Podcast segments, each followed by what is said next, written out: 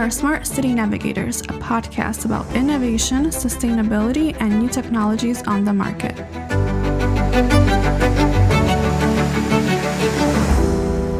This podcast is brought to you by Navi Parking. Wojciech Korczyński works as an engineer team lead and software architect. He leads a team that creates, maintains, and develops multiple Navi parking solutions, such as Navi Parking Enterprise or their newborn child that they are extremely proud of, Digital Parking. He adores working in a dynamic environment with open minded people on creating products for real users. He constantly strives for the feeling of having provided a good quality product developed with a mix of commitment and good fun. Let's welcome Wojciech Korczyński in today's episode of Smart City Navigators podcast. Welcome back again, Wojtek. Hello, nice to be back again. Yes, welcome to Smart City Navigators podcast. How are you today? I am very fine. Thank you. Uh, I am really glad to be again in Warsaw. Are you ready for today's uh, episode? Because I have some really tough questions for you. I am more than ready. Whoa, sounds very seriously, but but don't get us wrong. This is very very fun to do this podcast. So I'm looking forward to do this interview with you today. Thank you. So Wojtek, uh, our today's episode is about software architecture and uh, about software architect. Uh, what is role of uh, software architect? What do you do in this position? First of all, maybe uh, let me explain a little bit more what the software architecture is, because I think that this is um, a field uh, area that is a bit underestimated sometimes. Honestly, there is no such thing like a single and one correct definition of what software architecture is. Uh, but we can look at it from a different perspectives. First of all, we can look at this as a process. Process in which participate a lot of people, not only in engineering ones, but also business ones, clients, and so on. This process uh, might lead us to another definition of what software architecture is. And uh, the process needs to have the outcome in decisions that are made. So, this is another perspective uh, from which we can look at the software architecture. So this is the set of decisions that are made. And now you can ask decisions about what? Yeah. So decisions about how the whole software looks like, how the systems are organized, how the underlying services uh, works, how they connect, and so on and so forth.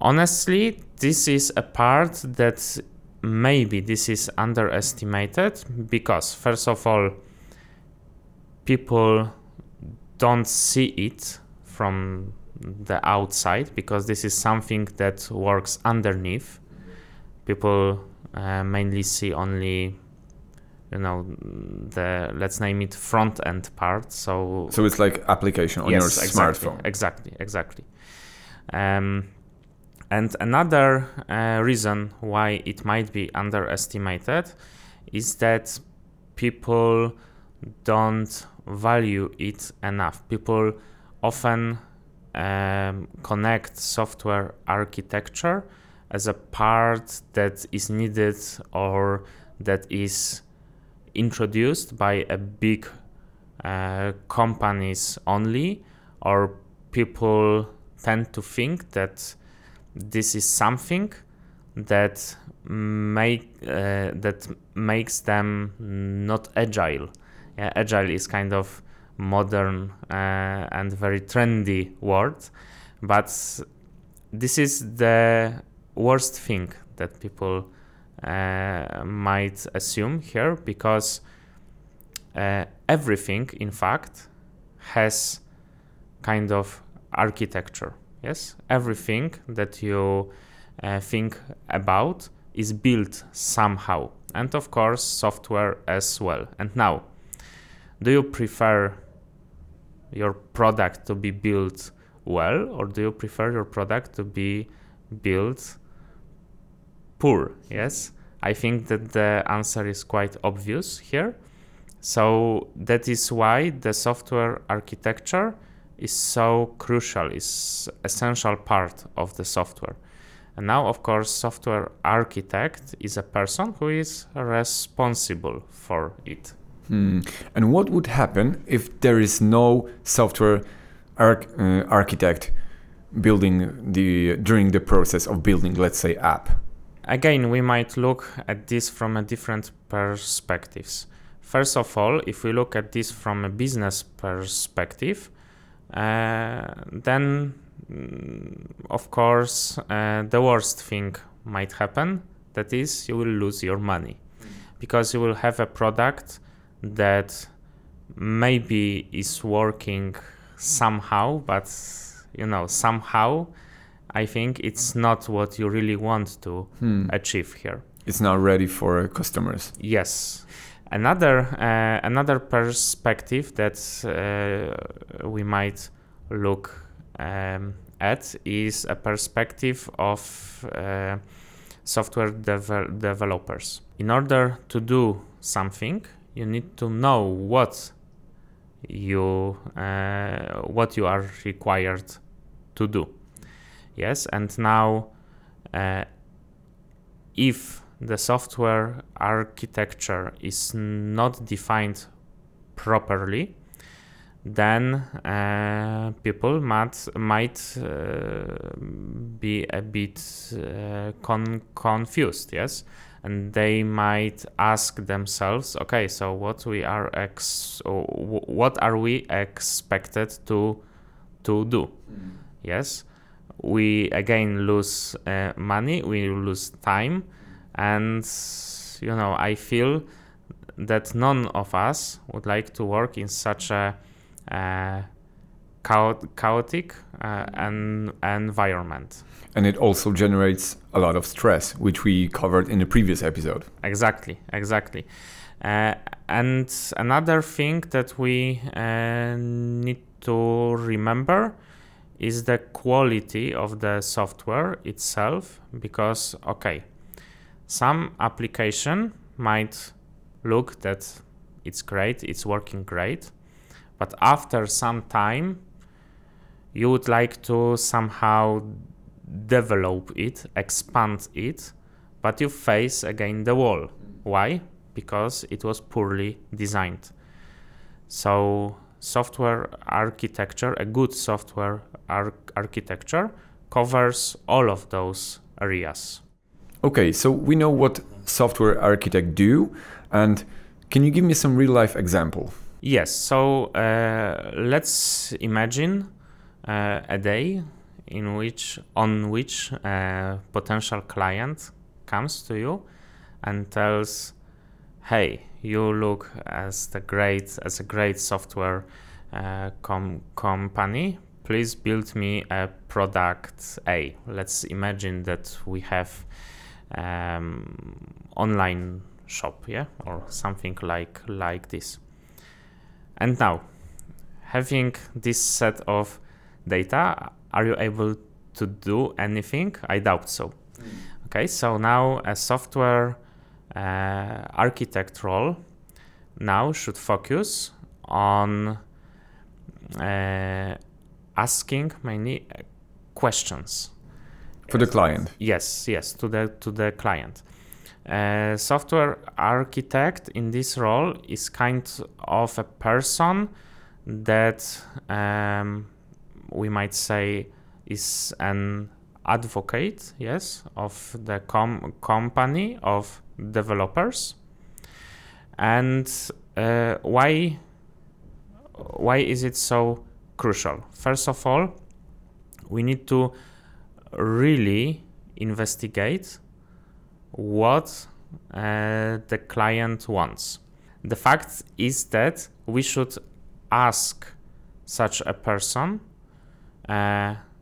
so many questions that would allow us to, I, to identify what the client really wants. Of course, there are multiple uh, techniques that might uh, help us. Um, one of the most uh, well-known one is a technique called uh, event storming, and in and it helps you to I, to identify what the client really wants, but also, and what is really uh, Im- important here, to identify the gaps, mm. because the client might have a lot of gaps in what the client really wants. And you have yes. to fill that gaps. Exactly, exactly. You need to firstly discover them, name them, and then uh, ask how they should be addressed. Here I need to mention the words uh, that uh, come from Alberto Brandolini, who said that software and engineering is mainly a learning process, and the code is uh, only a side effect of of it. And also another smart smart words that I really liked come from Marvin Min- Minsky, who said that uh, you don't understand problem if you if you understand it in one way only. Mm. Okay, so uh, the un- understanding of a problem of the business of the business com- complexity is the I think the main responsibility of a software ar- architect at this uh, stage of of the work. And you might ask why is it so so Im- important? Yes, because the business problem here is everything. We create a product that uh, is required to solve such a problem yes to address it and to address the com- complexity of the business problem that we have. And without this we don't have product. And it touched everybody because it touched uh, developers it touched engineer it touched end customer and also investors in in the particular company. Exactly. And it's great that you mentioned uh, this here because uh, the thing is that you shouldn't focus only on the client uh, or on the boss CEO that comes to you. You should uh, you shouldn't for, forget about any other person that might be involved here. Yes, if we think about the stakeholders of a product, very often we think about uh, yes ceo or you know business yes very uh, people like vips yes? But this is not the whole the whole truth here. We need to remember that such a product might be used by a different people a different set of people and everyone might have a very Im- important um, impact on on it. Yes, everyone might have something very important to add. Okay, so we have uh, the engineering part, engineering part, and you have to deal with this with other people as well. And what's what's the next step? Uh, the role of a software architect is to be a bridge between business and devel- developers. Yes, and now developers are also very important uh, part of each product because they need to also understand what they do. And that is why very often they also participate in such meetings with a business the main question is how to translate what business said is how to translate it from a business language to a language that is understandable for everyone yeah we need to think and we need to care uh, about a common language the language that would be that would be also used by by developers. Um, and that would help them to create the product they really understand and they might I- identify with. Uh, another really important part is to build standards um, because some people might again think that standards are something, um, let's say, negatively connected with uh, big com- companies only. But I think that standards are a way to you know find some order in a very dynamic and chaotic world. Hmm. And also standards, building standards can lead you to build, let's say, some structure, right? And then you can apply this structure into the future projects. Exactly. And there was also uh, some person, unfortunately, I don't uh, remember now who said this, but uh, there were also r- words that I really like that people tend to look for solutions to the problems instead of looking for uh, the patterns. Hmm. If we looked for the patterns in business problems, we might also find in this way patterns to the solutions that would allow us to create products quicker, better, and generally in more efficient way. Okay, so we have standards, and can we apply these standards to, uh, let's say, corporation or to startup, or maybe even let's compare these two like entities, corporations and startups. Very often in a big com- companies, software architects are uh, the people who are somehow separated from the product. In this way, uh, software developers might sometime have a feeling that they uh, do some orders, mm, do some things that someone ordered them, but they don't know why, what's the reason of it. And if we talk about the startup, um, I feel that here a software architect might have a more, let's say, organic work. Comparing to corporation yes, work. yes, yes, exactly. Because you previously worked for a corporation as well. Yes, yes, I did. Um, I uh, I wasn't a software ar- architect here. However, I uh, I worked as a product ar- architect. Um, but what I say is, let's say, driven by my by my obser- observations. And coming back to startup, here a software architect um, is very close to the product. Here, software architect knows why some things are done, why uh, are the reasons of such of such decisions, and um, it was, I believe, uh, Socrates who said that architects uh, should be admired because they are the people who who know why certain things are are done.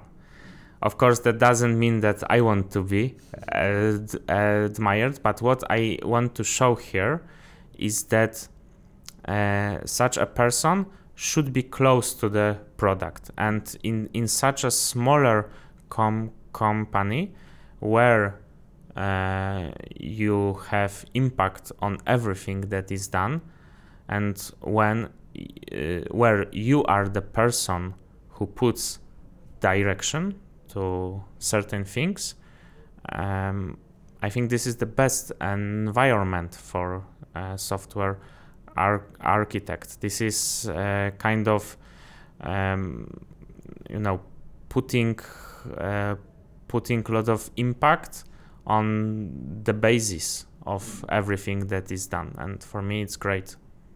So it's not like the arch- software architects in corporations they do a bad job or they have no influence at all into their products. But in a startup community, there's or in a startup or scale up company, it's totally different, like different job, right? Exactly. The problem that a lot of big com- companies, in my opinion, need to address is to how to make software architects closer to the product. Here in startup or scale up com- company, um, it's an let's say done in a natural way. Okay, Wojtek. So we have corporations, we have startups, and we have software architects up there. How to become one? First of all, um, you cannot uh, be one after uh, working one year or two years in in IT. Basically, this is uh, often a natural step for a person who um, is, let's say, above uh, the senior level. Yeah, so of course you need to have years of of ex of experience in order to see a lot of things, bad and good ones, because you you might learn from both of them. From, from a broader perspective. Yes, exactly, exactly. Um, and uh, well, what I really uh, recommend also is to read a lot about this uh, and also to do some uh, courses. Yes, um, because also this is not something that always comes to you in a natural way. Yes, like uh, coming from junior to the regular, coming from regular to the senior. It comes in more, I believe, natural way. Here, you need to uh, put some time in learning new things, in reading things, uh, also gaining knowledge from the more ex- experienced people. And what? I think that um, the very, very important part that we cannot forget about, and what maybe will destroy someone's image of a, a software uh, and engineer in uh, general, is that software architect, because of being a bridge between developers and business, uh, needs to invest her or his time in developing soft skills. Communication is what really matters. And with poor soft skills, I think that it's really tough to become a good software architect. Wojtek, thank you for another great piece of interview. Uh, on a previous episode, we covered uh, team leader. Now we have a software architect. You you do these two jobs at the same time. Yes. What's your personal pr- perspective from being team leader and a software uh, architect? What really matters in both of those of these roles are people again, because I think I covered this topic in the previous uh, podcast, but here again, you do something with people for people, with the help of people. So this is uh, something that is very common in these two roles. For the previous episode about uh, team leading, we're gonna do a link in the description on this video so you can watch the previous episode with Wojtek. Wojtek, thank you so much for being guest at uh, Smart City Navigators podcast, and I hope to see you soon on the, maybe on the next episode. Thank you very much. It was a great pleasure, and I also hope so. Thank you for listening to Smart City Navigators podcast. We hope you enjoyed today's episode. Join the conversation by leaving a comment and sharing your thoughts. And don't forget to subscribe so you don't miss the next episode, in which we'll do another deep dive into a topic related to innovation, sustainability, and new technologies. See you next time.